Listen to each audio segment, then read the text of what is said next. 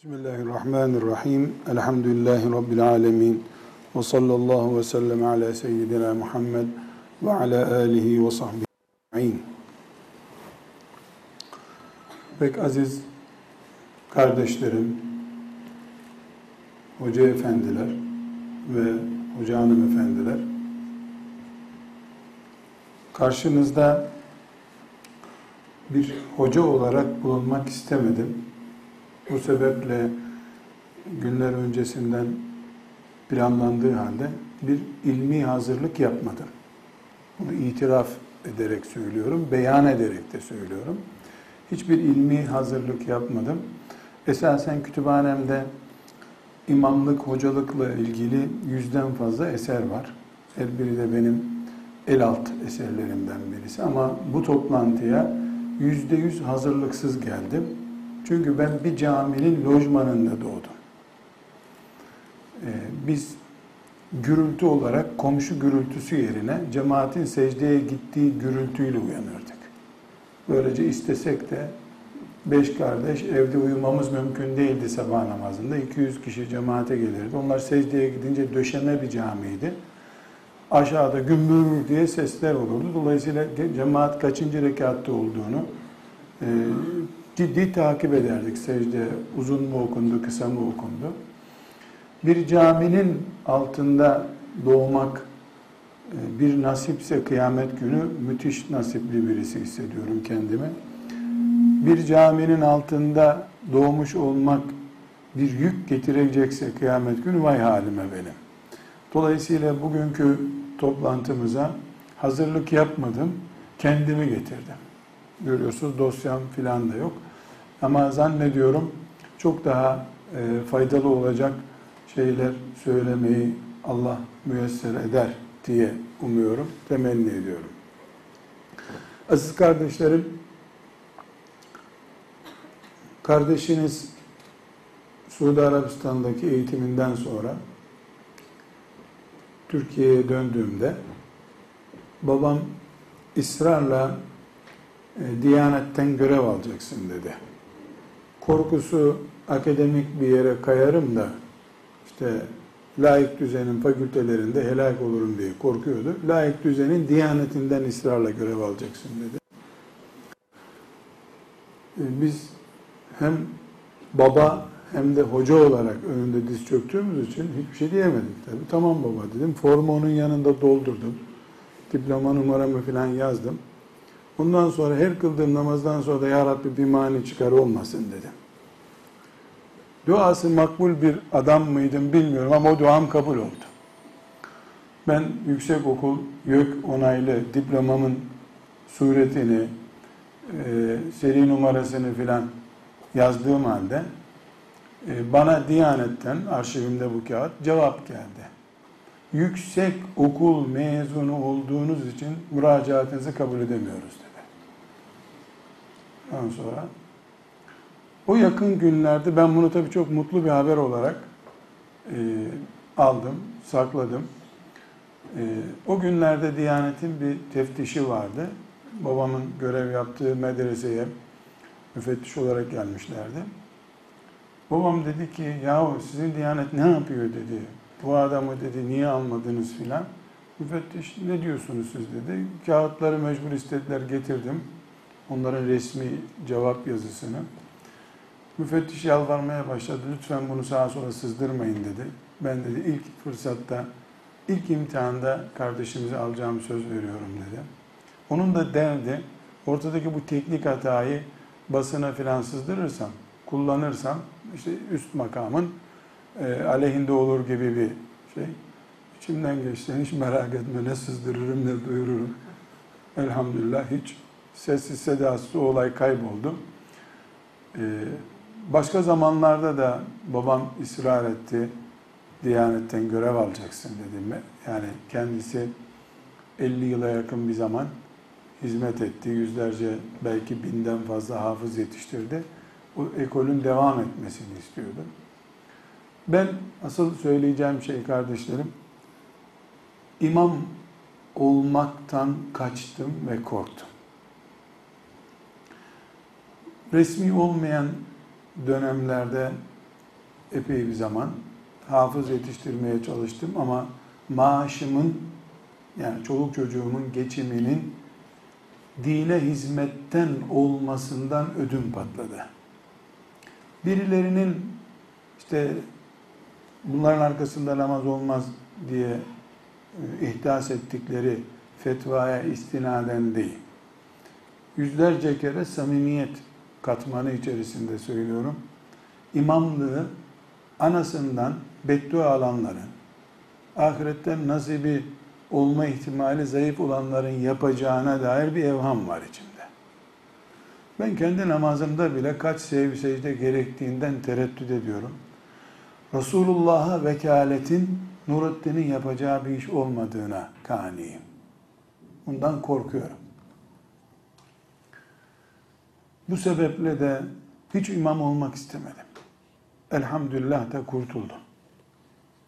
Kendi böyle ara sıra evde filan yapıyorum. O kadarlık takatim var. Yani evde çocuklara filan imamlığa gücüm yetiyor. Yani 53 yaşındayım. 45 senelikte hafızım. İyi de Kur'an okuduğuma dair şahitlerim de var. Üç aşağı beş yukarı Hanefi fıkhına dair temel eserleri ders olarak da okudum. İbadet fıkhını bilhassa. Nurul İza 10 yaşında ezberletmişti babam. Onu ezber biliyorum Nurul İza. Mesele fıkıh bilme meselesi değil. Hafızlık e, meselesi de değil. Felle ummul kavme akra'uhum li kitabillah. Ama akra kelimesi kitap okuma değil herhalde. Yani Kur'an'a en uyumlunuz Resulullah'ın vekili olsun. Felle ummul kavme diye telakki ediyorum. Yani Allah sabırlar versin her kim imam olduysa içinizde. Akıl fikir versin desem yaşlı başlı adama denmez bu ama Allah sabırlar versin. Cennete 10 santim, cehenneme 10 santim bir mesafede yaşamak çok zor. İmam kardeşlerimiz bütün bu sözlerden istifa dilekçesi hazırsa hemen imzalayın. Kaymakamlığa sevk edilsin diye demiyorum. Bilakis ne mutlu size ulaşamadım, ulaşamadığımı, yapmaya cüret edemediğime ulaştınız, yapıyorsunuz. Allah muvaffak etsin demek istiyor. Fakat kardeşler, bu kardeşiniz imamlıktan namaz kıldırmayı anlamıyor. Camiye gelenlere sen olmasan da izin gününde biri çıkıp namaz kıldırıyor zaten. Namaz kılmayanların imamı olarak dirilmek var ahirette ondan korkuyorum. Yani camiye 100 kişi geliyor, bin kişilik bir mahallede, bir köyde. 100 gelene namaz kıldırıyorsun. Bu çok doğal bir şey. Zaten bu ümmetin her namaz kılanı doğal bir imamdır. Her namaz kılan arkasına bakıp tamamla bunlarınkini de kıldırıyorum dese niyet bu işte. Kılanla kıldıran arasında namaz farkı yok. E, bu böyle olduğuna göre gerek Diyanet'in imamı olan veya ümmeti Muhammed'in bir grubunun sen imamımızsın diye mihrabına geçirdiği bir insan namaz kıldırdıklarından çok arkasına geçirip namaz kıldıramadıklarını düşünür. Gerekiyorsa onların evini yakmayı bile tefekkür eder. Böylece nübüvvet makamını temsilen mihrapta bulunur. Mihrap kelimesi kadar içine oturtulmuş ve yüzde yüz anlamını ifade eden bir kavram çok azdır. Mesela cihat kelimesi Allah yolunda gayret göstermektir. Türkçesi bu kelimenin ama yüzlerce sağdan soldan desteklenerek bu anlam çıkarılıyor. Mihrap yüzde yüz nefisle ve şeytanla savaşılan yerin idare merkezi demek. Şeytan namazsızlık istiyor yeryüzünde. Fuhuş istiyor.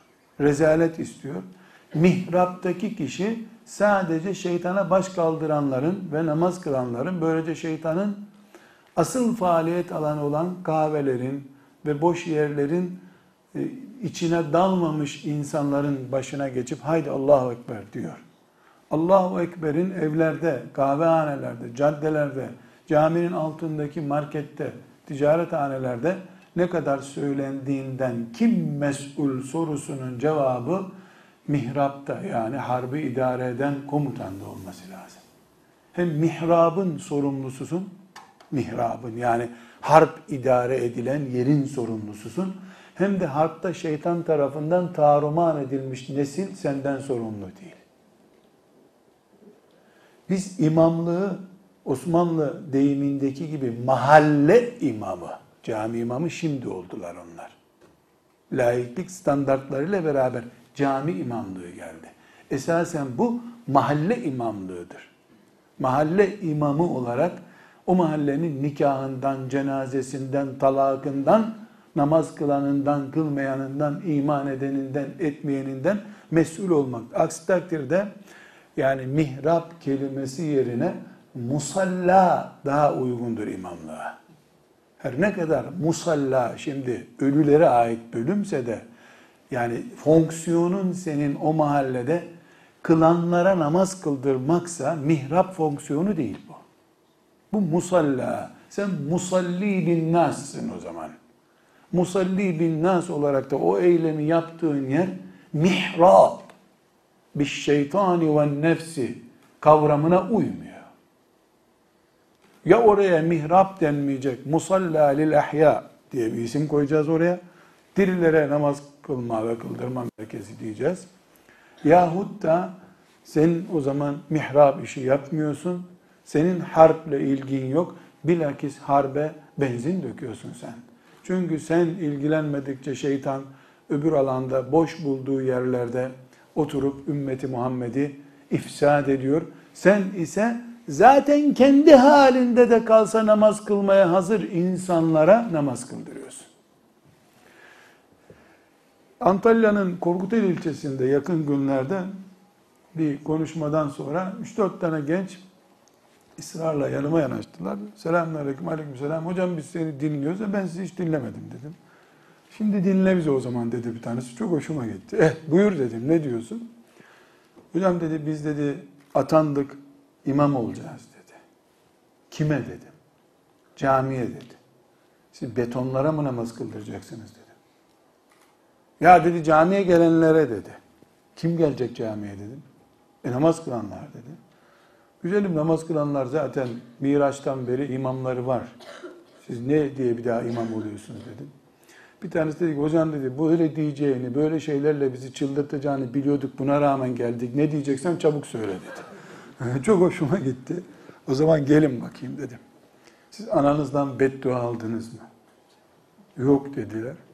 Niye imam oluyorsunuz dedim. Buna rağmen olacağız dediler. Güzel dedim. Hakkını verecek misiniz? Bir tanesi dedi ki ben hafızım zaten dedi yanlış okumam Allah'ın izniyle dedi. Dedim o hak değil ki. O ehliyet. Namazın hakkını vermek başka şey. Namaz kıldırmaya ehil olmak için ehli Kur'an olmak başka şey. Sen zaten Kur'an okuyamıyor olsaydın, hükmü bilmeseydin, sen meddi lazımla meddi munfasıl arasındaki farkı bilmeseydin, sana zaten mihraba geç demezlerdi. Oğlum dedim. Sen bunun hakkını verecek misin? Hakkı nedir dedi hocam. Sabah namazları gelmeyenlerin evini yakmak dedi. İşte biz daha ilk düzende imam olacağız falan. Gidin o zaman İslam düzeninde imam olun dedim. Ev yakmaya aday olduğun sürece ilk imamın vekili olabilirsin. Çünkü ilk imam namaza gelmeyenleri dert etti şu çocuklar olmasaydı evlerini yakardım dedi. Sen ev yakma, yürek yak. Git yüreklerini tutuştur adamların. Alev alev olsun camiye gelsinler. Biri dedi ki çok hoşuma gitti. Hocam dedi yaşımızı genç buldun böyle rahat konuşuyorsun. Anlayacağımız dilden konuş dedi. Peki dedim o zaman gençler caminin dışında da imam olacaksanız ama futbol takımı kurarak değil gençleri camiye sındırmak için futbol takımı kurarak değil. Yürüyünce sen yürüyüşündeki vakara imrenerek insanlar sana geleceği için. İmam olacaksanız bu işe başlayın. Bu işten geçinecekseniz ileride çoluk çocuğunuz olur. Helalliğinde şüphe olan bir parayı yedirmeyin çocuklarınıza. Dedim. Hocam biz sana geleceğiz filan dediler. Çünkü mutmain olmadılar sözümden. Gelirsiniz hesaplaşırız dedik ama herhalde yeni yılları olduğu için izin alıp gelemediler daha. Aziz kardeşlerim ben hazırlık yapmadan geldiğimi itiraf ettim. O zaman biz de seni dinlemeye hazır değiliz deyip kalkıp gidebilirdiniz. Gitmediğinize göre sonuna kadar beni dinleyeceksiniz. Ben hazırlıksız geldim. Çünkü imam çocuğuyum. Ben doğduğumda kundaktayken cemaatin gürültüsünden alt katta uyuyamıyordum. Hep uyanıyordum. E, şimdi konuşma hakkımı hazırlıksız birikimim üzerinden kullanmak istiyorum. Kardeşlerim, imamlığa böyle bakıyorum, böyle görüyorum. E, gezdiğim, gözlüğüm her yerde camiye gidiyorum elhamdülillah. Böyle imam arayışım, hasretim artarak devam ediyor. Çok esef ediyorum. Bir bakıyorum birisi bir yerde imam diye tayin edilmiş ya da köylü onu adam başı bir teneke buğdayına imam olarak köyüne tutmuş. O köyü Yesrib'den Medine'ye çevirmiş 10 senede. Bulup elini ayağını öpesim geliyor. Bir bakıyorum o köye memur olarak gelmiş. Köyde şimdi 20 dönüm bahçesi var adamın. Bana da diyor ki namaz kaçırmam ama diyor. İyi bir de namaza gelme. 20 bin haneli bir yerde veya 20 bin insanlı bir yerde 20 dönüm yeri olmuş. 20 yürekli mümin yetiştirememiş ama. Cevabında diyor ki ben Kur'an kursu hocası değilim. Kur'an kursu var diyor orada diyor. Ben Kur'an imamı değil misin deyince de ne demek bu diyor. Demek ki imamlık denen şeyin bir silüeti var, bir de ruh hali var. Silüet imam birilerini memnun edebilir. Ama sağımız ve solumuzda kayıt tutanlar ne diyecekler kıyamet günü? Neyin şehadetini yapacaklar? Ciddi ciddi bunu düşünmek mecburiyetindeyiz. Bir kardeşiniz olarak lütfen kabul ediniz. Hanım kardeşlerim de bir abileri olarak lütfen kabul etsinler. Çok rica ediyorum bu kaba girişimi e, ehli Kur'an, ehli mihrab insanlar olarak bu belayı kim getirdi buraya diye reddetmeyin. İbret alın halimden diye ben söylemiş olayım size. Yani her şey iyi insanlardan, Adem hocamdan öğrenilecek hali yok. Bir de bizden öğrenin kardeşim. Tamam. Araftu şerre la lişşerri inneme tekalli innema li ettekiye minha. Biz her şey böyle iyilik yani madem hocadan her şey öğrenildikten sonra bizi niye yarattı Allah Teala? Biz de az çok bir ibret olacağız size. Yani halimizden ibret alın.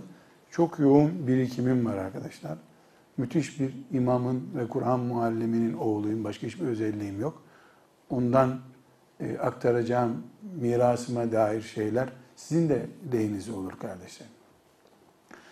Kardeşler, bu ümmet İsrail oğullarının peygamberleri ile aynı listeye değil ama aynı kategoriye yazılacak müthiş güç ve bereketi olan ulemanın bulunduğu bir ümmettir. Bu ümmetin uleması diye başlayan cümleye İsrailoğullarının peygamberleri diye devam edilebilir. Nübüvvet makamını konuşmuyorum. 900 küsür sene dağ dağ dolaşan, vadi vadi dolaşan Nuh Aleyhisselam'ın 100 kişisi olmadı. Bizim sigara içen bir imamımız bile az bir himmet etse bir senede 100 kişi bulur. O imamın sigara kokan ağzı sayesinde değil. İmamların imamının feyiz ve bereketi kıyamete kadar göklerden yağmur gibi aktığı için. Resulullah sallallahu aleyhi ve sellemin bereketidir bu feyzidir ve ondan senin iletişiminin sonuçlarıdır. Nasıl yorumlarsan yorumla. Kardeşler, Kur'an-ı Azimuşşan'ın henüz beşte birinin bile inmediği bir zamanda, elde Kur'an da yok. Hafız filan bırak hafızı sen, yazılı bir Kur'an da yok, inmiş Kur'an da yok. Mus'ab bin Umeyr yarı çıplak vaziyette Yesrib'e gitti. Sekiz ayda Kur'an'a devlet kurdu, Kur'an yok orada. 3 sene sonra don bile satın alamadan elde ettiği servetle ne servet elde ettiyse o devletin ilk şehitlerinden biri olarak Rabbine gitti. Şimdi okunan her ezan, hasretle izlenen her Medine görüntüsünde Musab bin Ümeyr'in silüeti var arkadaşlar. Radıyallahu anh. Biz slaytlarla, dokümanlarla, milyarlarca kere ezberlenmiş Kur'an'la bir köyü iki senede fethedemezsek, Mus'ab'la aynı cenneti verse Allah bile biz nasıl hayal etmeden paylaşırız? E Nuh Aleyhisselam'la paylaşırız. O da adam bulamamıştı desek, onun Medine'si olmadı ama milyar kere Medine edecek himmeti oldu Allah için. Parçalanmış yürekle Allah'a gitti. Arkadaşlar Musab bin Ümeyr'in yüzünden ki Fethullah Hoca Efendi'nin bir konuşmasından etkilenmiştim. Daha 15 yaşında çocuktum. Ben ebedi bir daha imam olmam demiştim. O adam duruyor hala. Erbakan Hoca'nın da fetih ve Ayasofya heyecanından etkilenmiş Ayasofya'ya namaza açılmadan girmeyeceğim diye yemin etmiştim. Ona da hala girmedim. 50 küsür yıllıkta İstanbulluyum ve girmeyeceğim. Fethedildiği gün yeniden bir imamın mihrabında namaz kıldığı, İsa resimlerinin kapatıldığı gün gireceğim diye yeminim var. O yeminimi bekliyorum. 150 yaşına kadar beklerim. Ondan sonra ya Kerim başka bir şey yaparız herhalde. İçimde böyle bir hasret var. Musab yüzünden mihraba geçmeye utanıyorum. Kur'an hocasıyım demeye utanıyorum. Hafızım diyorum çünkü hafızım Musab hafız değil diyor. Başka hafız örnekler de var. Hafızım diyorum sağda solda. Bu Musab başımızın derdi arkadaşlar. Hanım kardeşlerimiz elhamdülillah Musab erkekti biz kurtulduk demesinler. Musab'ın akrabalarından Nesibe diye bir kadın var o daha bela. O daha bela. Başımızın belası ya. Evet ve izibtela İbrahim Rabbu bi kelimatin. Rabbi İbrahim'i bazı kelimelerle iptila etmişti. Yani belaya uğratmıştı. İbrahim yaptı o kelimeler onlara. Dilerim bu Musab belası da bizi Musab yapar. Yani belayı kötü manada kullanmıyorum. Test malzemem diye kullanın. Ya Allah Teala cenneti ayıracak, Musab ve kategorisindekiler diye lüks bir bölümü olacak. Siz de ulan gidin cennetin bir yerinde yer bulun diye bizi öyle numarası koltuksuz bir yere atacaklar herhalde. Bu da olmayacağına göre çünkü vesari'u ila mağfiretin Musab'la bana ortak. Musab'la ortak davet edildiğimiz yerde koltuk numarası olmaz. Dolayısıyla ya Musab'a zulmedilecek, donsuz gittiği cennetten, donsuz, gömleksiz, kefensiz, üstünde donu gömleği olsa kefen olacaktı o zaten, şehitti çünkü. Gömleği, atleti, donu olmadan gittiği için de kefensiz gitti Rabbine. Ne üstünü örtebildiler ne bacaklarını örtebildiler. Ya ona zulmetecek Allah Teala ne yapalım? Geriden gelenler ortalamayı düşürtler. Bundan sonra SBS ortalaması bu kadar. Böyle giriliyor bu okula diyecek. Ya da adili mutlak bir Allah olduğu için herkese hak ettiğini verecek. Biz ne yapacağız? Tek yapacağımız şey var. Mus'ab'ın muvaffakiyetine ulaşamasak da Mus'ab'ın heyecanına ulaşabiliriz arkadaşlar. 2015 yılının Mus'ab'ıyım Rabbim hazırım diyebiliriz. Ve Mus'ablaşma zamanı bakımından Yesrib'den daha büyük alternatifsiz Mus'abların olacağı zamandayız arkadaşlar. Çünkü Mus'ab bin Ümeyr'in müşriklerden başka Sa'd bin Zürarer gibi, Ubade gibi 5-10 kişiden başka ne adamı vardı ne kavga edecek kimseyi vardı. Zaten 200 senedir aile kavgası Yesrib'i batırmıştı. Hidayet nurunu görünce yıldırım gibi koştular Musab'ın eline ayağına kapandılar. Allah iki asırdan fazla Evs'le Hazreci kavga ettirdi. Musab gelince kıymetini bilsinler diye kıymetini de bildi. Ama iki asırdır hatta Viyana'dan beri de laiklik bizi kavuruyor. Hala gelen hidayet kaynaklarını Musab'a sarıldığı gibi müminlerin sarılacağı bir ortamı oluşturamıyoruz. Halbuki Evs ve Hazrece Musab gittiğinde kıymetini bilecekleri gibi çünkü kavgalı bir ortamdı. Yahudiler eziyordu, iç kavgalar onları yiyordu. Musab cenneti gösterince atına binmeden koşmaya başladılar. Hayya demeden gittiler atlarına bindiler. Şimdi ise üç asırdan beri iç ve dış laiklik hastalığımız, vehen hastalığı bizi yiyip bitiriyor, toplumu yedi bitirdi. üç samimi hadis dinleyen, Allah dostlarından birisinin ufak bir menkıbesini dinleyen yüreğini açıyor. Öyle bir zamana geldik arkadaşlar. Şimdi musab olmak bütün zamanlardan çok daha kolay. Çok daha kolay. Teknolojin var ve hasret üç asırdır birikmiş durumdadır. Yeter ki musab ol. Bu musablaşmanın önündeki kardeşler en büyük engeller. Ben hazırlıksız geldim. Kafamdaki birikimden konuşuyorum. En büyük engeller Kur'an ve Resulullah azametine sallallahu aleyhi ve sellem münasip olmayan kimlik sahibi olmaktır. İmamın vakarını kravatta arayışıdır. Gençlerle futbol oynayarak onları namaza ısındıracağını zannetmektir. İbn Teymiye'nin deyimiyle sidikle abdest almak gibi. Başka bir ifadesinde de bardak peygamberin ama içinde şarap var diyor. Böyle Allah'a tebliğ olmaz diyor. İbn-i Teymiye sizin için kötü müdür, iyi midir bilmiyorum ama bu sözü muhteşem arkadaşlar. Bardak peygamber bardağı içindeki zemzem değil ama. Futbol takımı kuruyorsun, gençleri ısındıracaksın. O arada söven sövene gol kampanyasında sonra da Allahu Ekber camiye. O bardak o suyu kaldırmıyor. Halbuki senin yüreğinden fışkıran merhametler, o çocuklara, o gençlere acıyışını gözlerin yansıttığı ferlerin senin, ferin, onları camiye çekecekti zaten. Musab maç etmedi kimseyle. Bir dinler misiniz beni dedi. Öldürecekseniz sonra öldürün dedi. Bir dinleyi verdiler, pir oldular. Ömer bin Hattab öldürmeye gitti. E sen bu ayeti bir dinle Ömer deyince bir dinleyi verdi ayet. Elimizdeki Kur'an yürekleri tutuşturmak için yeterlidir. Velev ki müşrik oğlu müşrik olsunlar. Müşrik oğlu müşrik, müşrik oğlu müşrik oğlu müşrik. Yedi ceddi müşrik. Sanan tiryakisi insanlar bir ayetle ayağa kalktılar arkadaşlar. Biz bir hatimle insanları ayağa kaldıramıyoruz. Niye biliyor musun? Hatmin sonundaki beklentiler farklı. Biri Muhammed'e adam hazırlıyorum diye ayet okudu sallallahu aleyhi ve sellem.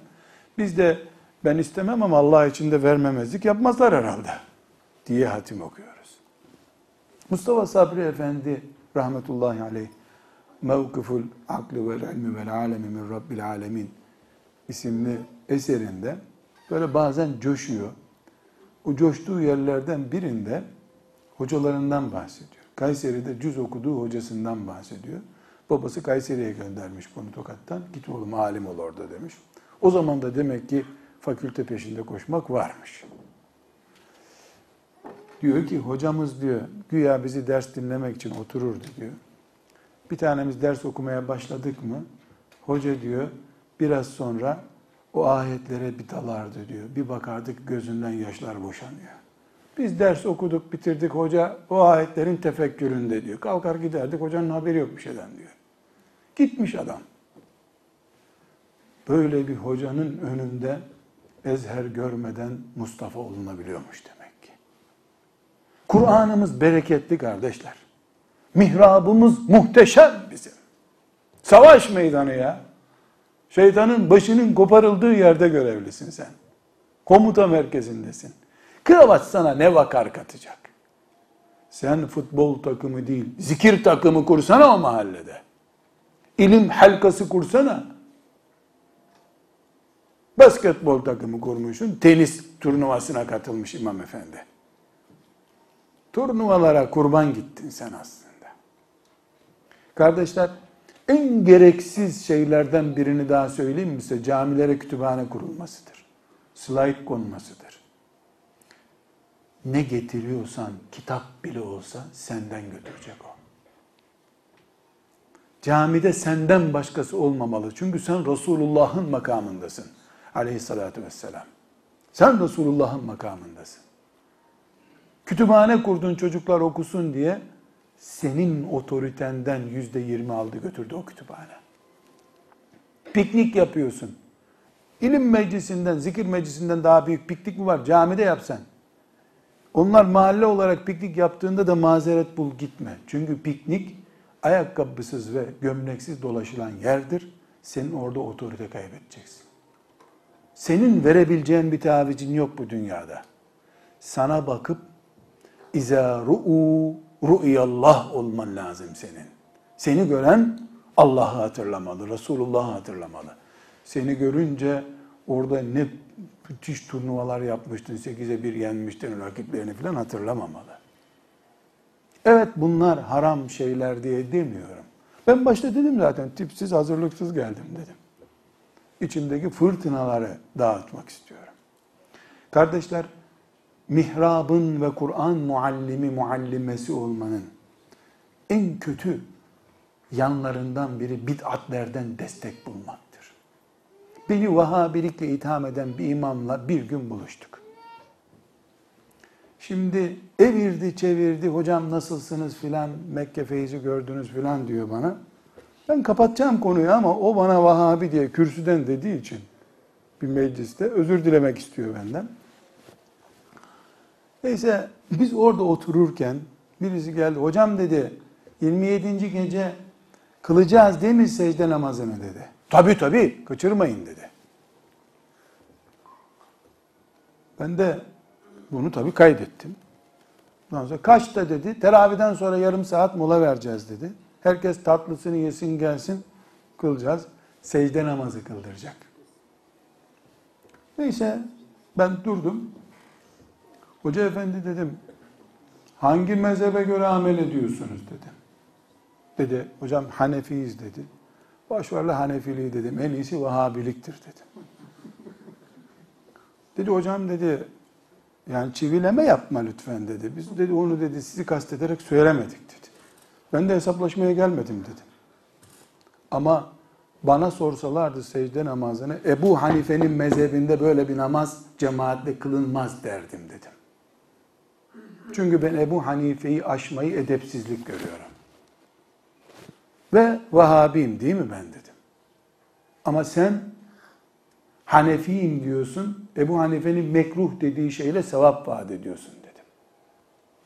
Dedi hocam bunun bidat olduğunu ben de biliyorum dedi. Niye yapıyorsun dedim. Nasıl toplayayım bu insanları dedi. Sen insanları koyun gibi toplayacak yerde toplama. Musalli olarak topla dedim. Kendiniz kıl de iki kişi gelecek değil mi? Sayma riskini sana yükleyecekler. Sen de nasıl olsa nafileden suç çıkmaz diye sen de elinde bir şeylerle sayacaksın. Otomatik tesbih belki alacaksın eline. 15'e kilitleyeceksin onu. 15 15 15 yapınca Allahu Ekber. Böylece meleklerin gözünden kapatıp hepsi topluca tesbihat yaptı. Ulan dedim Vahabi bozuntusu. Bu namazın temel karakteri zaten 15'e şu kadar sayıya kadar olan şeyi dünyevi şeylerden tamamen koptuğun için saymadan oluşturacak ciddiyette bir namaz kılmanı istiyor. Allah onun için bunu sana hadis-i şerif ne diyor? Hayatta bir defa da olsa bu kıvama gelin diyor. Peygamber aleyhisselam bir defa alığına olun, konsantreye olun diye rica ediyor. Sen bunu bozmaya alet oluyorsun güya da Hanefisin dedim lan. Yazıklar olsun senin Hanefiliğine filan. Ya dedi bunu önceden söyleseydin dedi. E bir dahaki sene görürüm seni dedim. Bu sene soracağım diyeceğim. Hoca tesbihat var mı diyeceğim bu sene. Kardeşlerim bir Müslüman bid'atten yardım ister mi ya? Kur'an ne güne duruyor? İmam-ı Azam ne güne duruyor ya? Bid'atle yardım olur mu ya?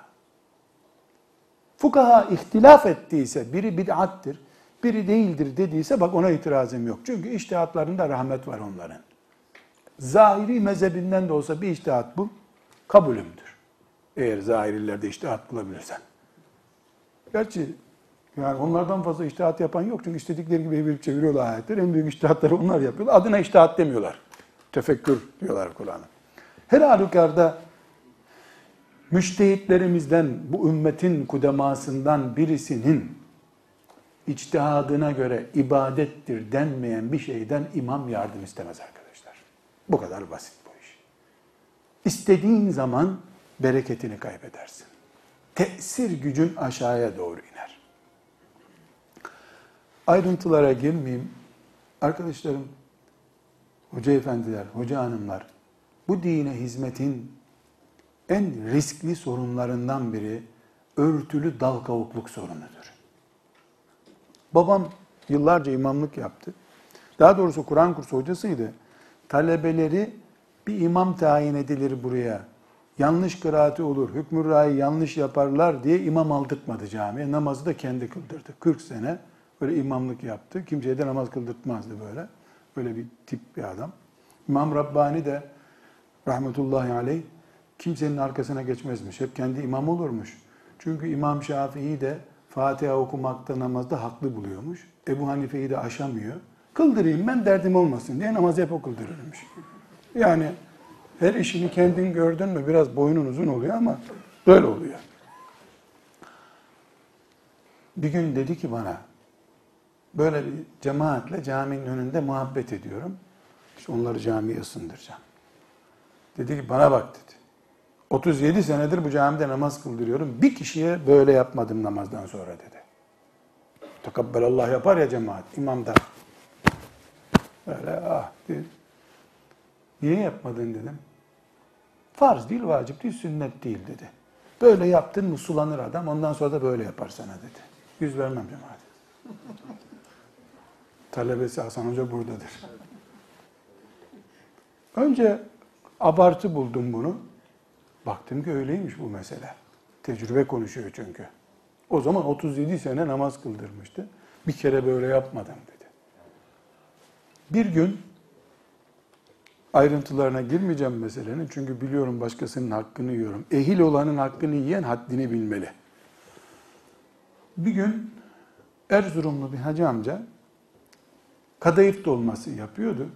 Ben dedim ki hacı amca dedim Ramazan'da yiyeceğiz mi kadayıf? O hazırlanıyorum dedi. Hoca efendiyi de çağıracağım dedi. Sen de 5-6 tane talebe al gelsene dedi. Tamam dedim. 5-6 tane hafız buldum.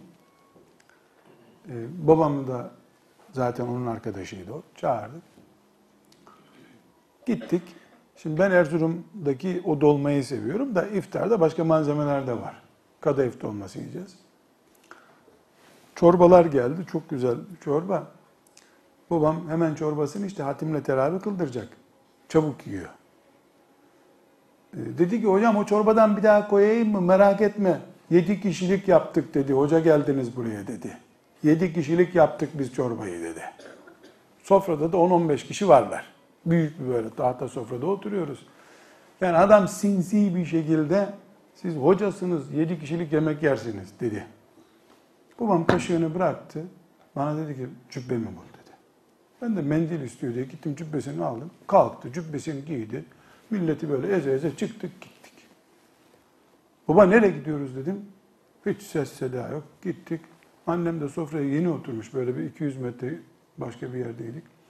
Annem de çabuk bize de sofra kur dedi. Yemek yedik. Ya baba ne oldu orada dedim. Daha ne olacak dedi. Biz Resulullah'ın vekiliyiz. Adam bizi müşriklere benzetti dedi. Resulullah müşrik yedi mideyle yer diyor dedi. O adam bana yedi mi dedi. Ben dedim nasıl namaz kıldıracağım evet deseydim ona dedi. E niye evet dediniz mi? Ya getir veya getirme ne desem dedi adamın dediğini onaylamış olacaktın dedi. O dedi iman etsin gelsin dedi. Neyse hiçbir şey diyeyim çünkü intikamını benden alacak diye de korkuyorum ses çıkarmadım. Neyse teravide o adam geldi. Ya hoca niye gitti dedi. Rezil olduk biz dedi. Sen ne dedin dedim. Hiçbir şey demedim dedi. Ulan bir şey dedin ama dedim. Bak Resulullah sallallahu aleyhi ve sellem Bukhari'deki hadiste müşrik yedi mideyle yer. Mümin de bir mideyle yer diyor. Ya ben hocayı gavura mı benzettim dedi. Adam hala savunuyor kendini. Sen en iyisi dedim uzak dur babamdan biz ama sonra helallaşırsın. Allah rahmet eylesin. Hacı amca aylarca gitti geldi yalvardı. Ayağını öpeyim 80 yaşında bir adamdı üstelik. Yani sonunda helallik aldı babamdan ama bir daha da babam kimsenin evine gitmedi. Her evden çıkamayabilirim dedi. Arkadaşlar babam hüccetül İslam bir adam değil ama bir alim, bir imam bu tavrı göstermeli arkadaşlar. Talebesi buradadır. Başka örnekleri de o biliyordur belki yani anlatır. Yani vakarını imam olarak sen koruyamadıkça ya el alemin adamı senin vakarını niye korusun? Zaten seni tayin eden makam memur oğlu memur olarak görüyor seni. Gel git otur kalk diyor. Zaten tabu kadastro müdürlüğündekiyle senin bir farkın yok. Yani herhangi bir şekilde halktan bir şey beklemeye gerek yok. Bir alim, bir imam kendi vakarını korumalıdır. Aksi takdirde e, yani bu vakarı sen korumadıkça yemek, bilhassa yemeklerdeki durumları biliyorsunuz işte. Bir çay içelim hoca. İçmemelisin. Ben size ikram edeyim dediğin zaman üstelik de hoca be hocaların çayı iyi oluyormuş demek ki devletten içince böyle oluyor deyince de demliği dökeceksin bahçeye.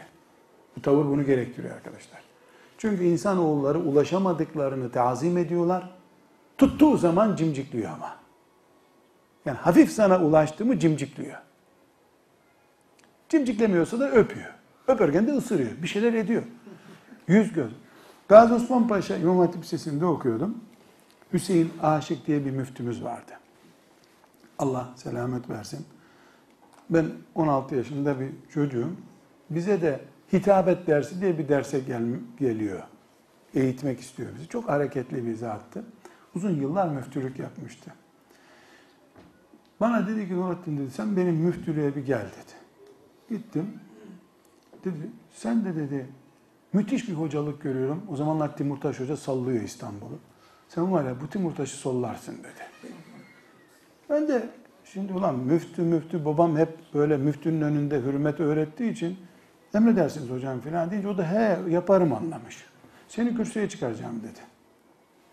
Tamam hocam dedim. Büyük bir tatbikat camisi var. Osman Paşa Farikili rahmetullahi aleyhin yaptırdığı bir cami var. Baktım iki gün sonra bana cuma görevi çıktı. Çıktım mihraba, minbere. Dağıttım tabi ondan sonra cemaatte kalmadı, bir şey kalmadı camide. Ateşli siyasi yıllar, ben Akıncılar MTTB'de zaten doluyum.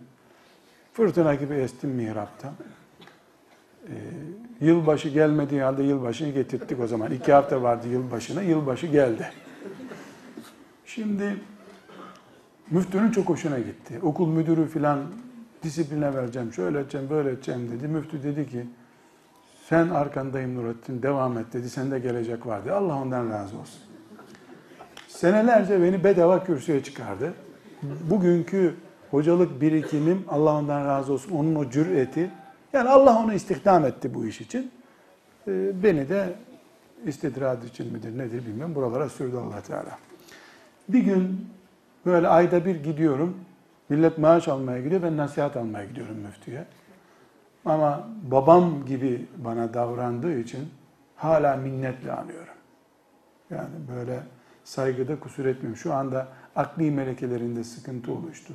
Belki 90'larına yanaşmış birisidir. O zaman çok ciddi bir e, hürmet ediyordum. Şimdi ediyorum. Bir gün dedi ki bak Nurattin dedi. Sen de dedi iyi bir gelecek görüyorum. Tek kusurun var dedi. Hocalık vakar mesleğidir dedi. Sen çok iç göz oluyorsun insanlarla.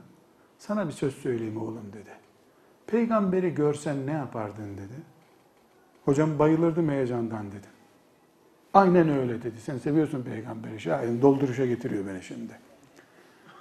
Bir hafta seni evimde Enes İbni Malik gibi misafir edeceğim dese ne derdin dedi. Sevinçten ölürdüm hocam dedim. İlk anda öyle oldum ama bir hafta sonra hacı amca derdin peygambere dedi. İnsanlar bir hafta işli dışlı oldu. Hele senin evine girdiler mi? Hele senin oturduğun sandalyeye oturdular mı? Seni takmazlar daha dedi. Peygamber de olsan bu iş böyledir.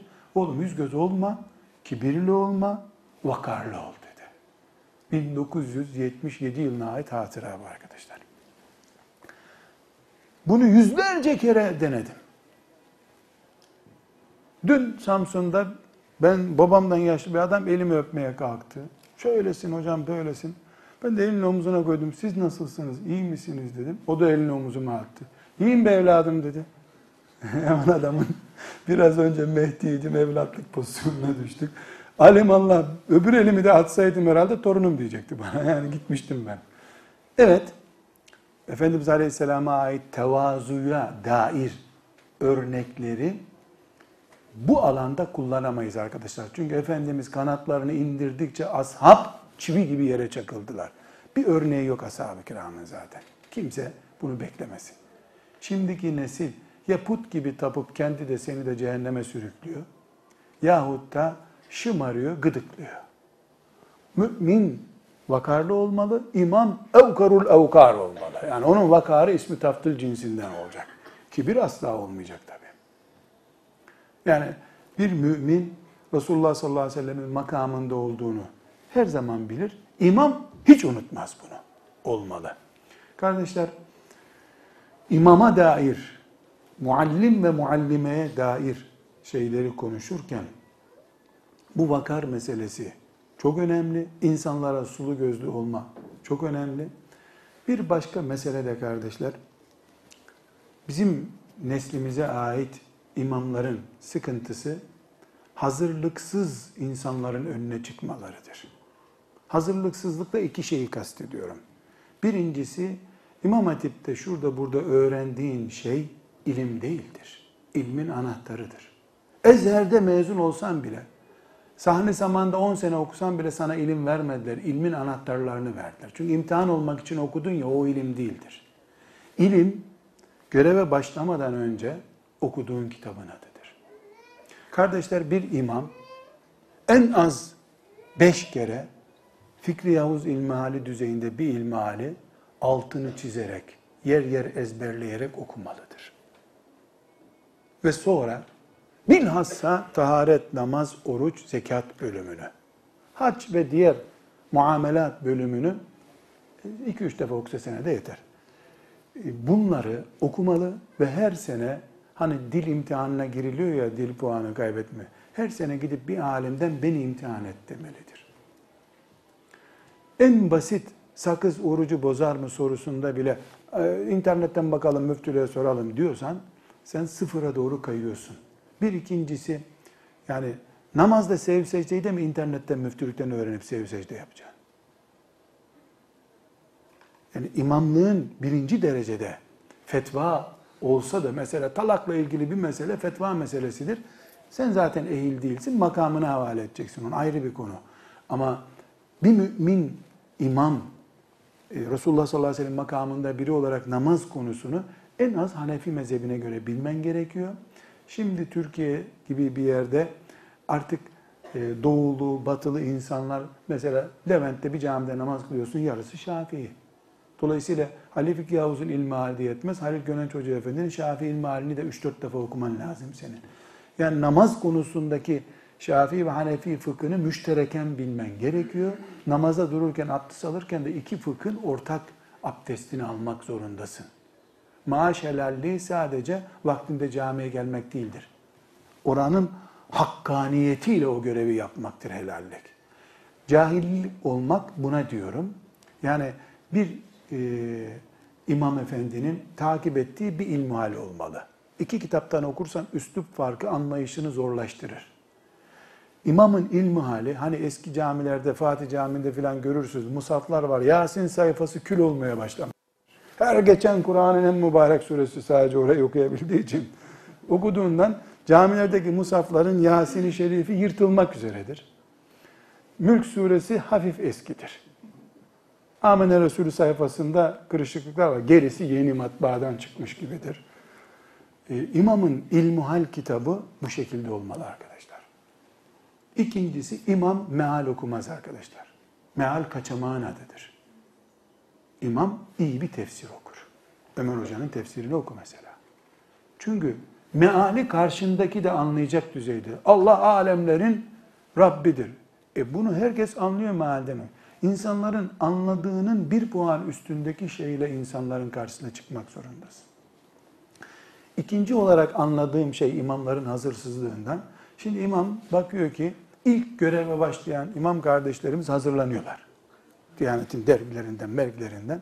Sonra bakıyor ki millet namaza 3 dakika kala geliyor zaten. Kimse de beni dinle diyor. Herkes radyotöre yaslanmış böyle. Ya Allah namazı yakınlaştır. Ya Rabbi ezanı yakınlaştır diye dua ediyor adamlar. Allah'tan dışarısı soğuk camiye geliyorlar. O da üçüncü haftadan itibaren bunlar için mi hazırlanacağım diyor. Hayır. Tavuktan civciv, civcivden tavuk çıkacak arkadaşlar. Seni insanlar hazırlanmış gördüğü için erken gelecekler. Onlar erken geldiği için sen hazırlanacaksın. Hocalık budur.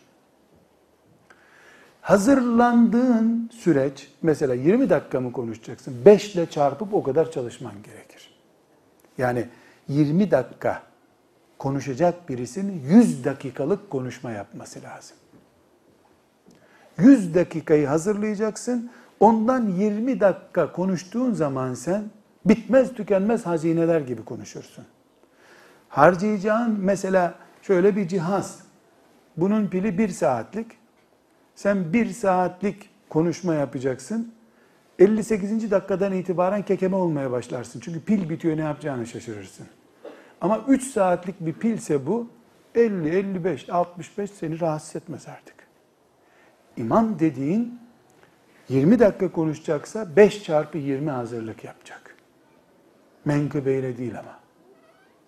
Menkıbeler ve menkıbe türü dinlendirici şeyler ara çay ikramları gibidir konuşmalarda. Esnemeler falan görünce ya arkadaşlar Bağdat'ta bir gün diye başlarsın herkes uyanır. Ama sen 5 çarpı 20 ilmi konuşmaya hazır olacaksın. İmam efendiler bu hazırlığı ana kaynaklarından ya da bir meşrepten geliyorsan o meşrebin kaynaklarından, ilmi halinden hazırlayacaksın. 3, 5, 10 konuşmada cemaatin seviyesi seni zaten ayarlayacak. Sen mecbur cemaatinin seviyesine göre konuşacaksın. Uçuk konuşman da gereksiz. Ee, Süleymaniye Camii'nde konuşuyorsun. 100 kişiden 96 tanesi üniversite talebesi. Sen orada alfabeyi tarif ediyorsun. Yazı, okuma yazmanın önemini anlatıyorsun. İşte ikra bismi rabbike ile beraber savaş esirlerini oku dendi diyorsun. Vakit israfı bu. Cemaate göre kendini ayarlıyorsun, israf etmiyorsun. Kardeşler, imamların en önemli sorunlarından birisi de vakitsiz yaşamalarıdır. Halbuki imamlık hayatı beşe bölmek demektir. Neden? Ya sen bir defa saniyesiz yapılamayan bir işin görevlisisin. 20 dakikadır ezandan sonra uzatıyorsun. Tabi senin bir işin yok ki hanımınla yemeğe gideceksin cumadan sonra. Adam izin almış 15 dakika cuma kılacağım diye. 15 dakikası dolmuşsa cuma kâmeti getirilmemiş. Zulüm bu arkadaşlar. Babamın bu huyu vardı. Ezandan 20 dakika önce çıkar konstantesini olurdu. Ezanla beraber de bir saat konuşurdu. Bir gün bir toplantıya gitmek zorunda kaldı. Gazi Osman Paşa'da, Bayrampaşa'da bu işi yapardı. Gazi Osman ama herkes rica ederdi. Allah'ın kelamını konuşuyorum. Allah'ın kelamını konuşuyorum derdi. Sustururdu herkesi. Gazi Osman Paşa namaz kılmış. Aksilik abdesti fena sıkışmış. İmam da 15 dakika uzatmış mı? Hutbeyi de uzun uzun okumuş. Bu kalkıp çıkmayı düşünmüş. Abdesti yavaş alırdı ben cuma yetişemeyeceğim demiş. Derken sünnetleri hayatında ilk defa terk edip imamın selamınla beraber tuvalete koşmuş. Geldi nasıl yeminler ediyor. Tövbe istiğfarlar olsun. Kim beddua etti? Bana bedduası tuttu diyor. Ondan sonra uzatmadı hakikaten. 15 dakikada bırakıyordu ezandan sonra. Çünkü alışmış alışmıştan vazgeçmiyor arkadaşlar. Ama bıraktım diyor. 15 dakikadan fazla uzatmıyor. Şimdi kardeşler vakte riayet çok önemli. Bu vakte riayeti kürsüyle e, esnemeleri önlemek için e, ciddi hale getirdim ben şimdi. Asıl sorun o değil arkadaşlar. 7'de diyen imam 7'de orada olacak. Trafik kalabalıksa 7 saat önce gidersin, trafik kalabalığı olmaz. Akşamdan gidip orada beklersin. Öbür türlü güneşle yarışamayan imam, güneşle tayin edilmiş vakitlerin namazını kılamıyor arkadaşlar. Vakte sadakatta güneşle yarışmak zorundayız. Nasıl 10 sene sonrasının takvimini teknoloji veriyor, 10 sene sonra 27 e, Mayıs 2024 yılında sabah namazı şu saattedir demekte bir sıkıntı var mı? Yok. İmam efendi de şu saatte geleceğim diyorsa güneş kadar sadıklı dedirtmek zorundayız. Çünkü sen insanlara vaadine hulfedenin münafık olacağına dair hadis okuyacaksın bir gün. Senin yaptığın gibi mi hoca derse biri ne diyeceğim? Kardeşler bir başka sıkıntı bizden öncekilerin yaptığı, bizim asla yapmamamız gereken sıkıntı müşahhas örnekler vermektir. Bir mümin bir tarikata mensup olabilir. Bir siyasi görüşü olabilir. Bir imam efendi de mümin olduğu için böyle olabilir. İmam bunu hissettiremez. Hanefiliğimizi bile medar iftiharım olduğu halde hissettirmemek zorundayız. İslam böyle diyor demek zorundayız. Bizim mezhep böyle kardeş Diyemezsin sen ya ne bu? Çiftlik mi tarif ediyorsun? Bizim mezhep değil. İslam böyle. Yoksa sen Hanefi mezhebinin İslam olmadığını mı düşünüyorsun? Mezhebimiz dahil müşahhas örnek veremeyiz arkadaşlar. İnsanların putlarını isimleştirerek sizin mahallenin filancası işte Trabzonspor lanetli bir takım diyemezsin. Spora anasından babasından doğduğuna pişman olacak kadar sataşabilirsin. Spor puttur de.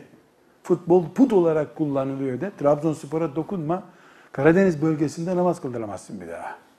İstanbul'da da zaten büyük takımlar var. E sen nerede uzayda mı imamlık yapacaksın? Bir uzayda futbol takımı yok. Suudi Arabistan'a gitsen arkadaşlar bizdeki gölgesi olmayacak kadar futbol taraftarlığı var. İntihar ediyor insanlar takımları maç kazanınca. Büyük bir afet. Bu afeti alttan alttan yontmak zorundasın. وَلَا تَسُبُّ الَّذ۪ينَ يَدْعُونَ مِنْ دُونِ اللّٰهِ ayetinden dolayı. İmam aşırı gitmemeli arkadaşlar. Muallim ve muallime aşırı gitmemeli ama tavizkar da olmamalı. Geniş zamana yaymalı. Yani birisine bir ideolojiye sataşmak senin imamlıktan kaynaklanan vazifen zaten. Birden senin olan tapındığın sistemini de diye başlarsan sen de gittin. O adam da bir daha camiye gelmeyecek zaten. Beş yıl içinde bunu söyle ama.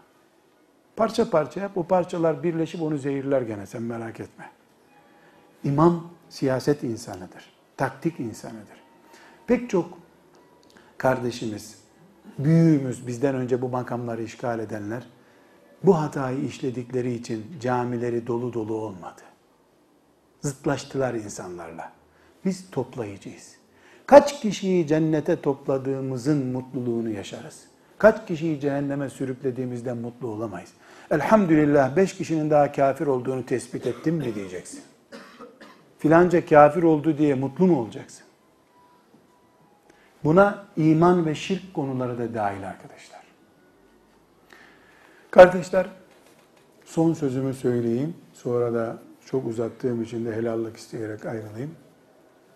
Eğer her insan arkanızda kıldığı bir namazla, öğrettiğiniz bir ayeti kerime ile sizin cennete girmenizi sağlayacak temel nedendir diye göremiyorsanız bu salondan çıkarken istifa edin gidin.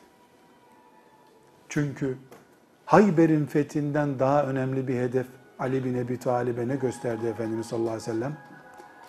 Bu Hayber'in fethi katiye gerçekleşecek. Vaat. Ama daha önemlisi bir kişiyi kurtarmaktır Ali diye gönderdi. Dilerim Rabbim hepimizi bu muhteşem vazifemizde muvaffak kılar. Hakkınızı helal edin. Ben hazırlıksız geldim. Hazırlıksız geldiğimi söylemiştim zaten. Ee, böyle alabora bir şeyler söyledim. Ee, benden sonra düzeltecek olan gelecek inşallah. Allah ona yardım etsin. Velhamdülillahi Rabbil Alemin.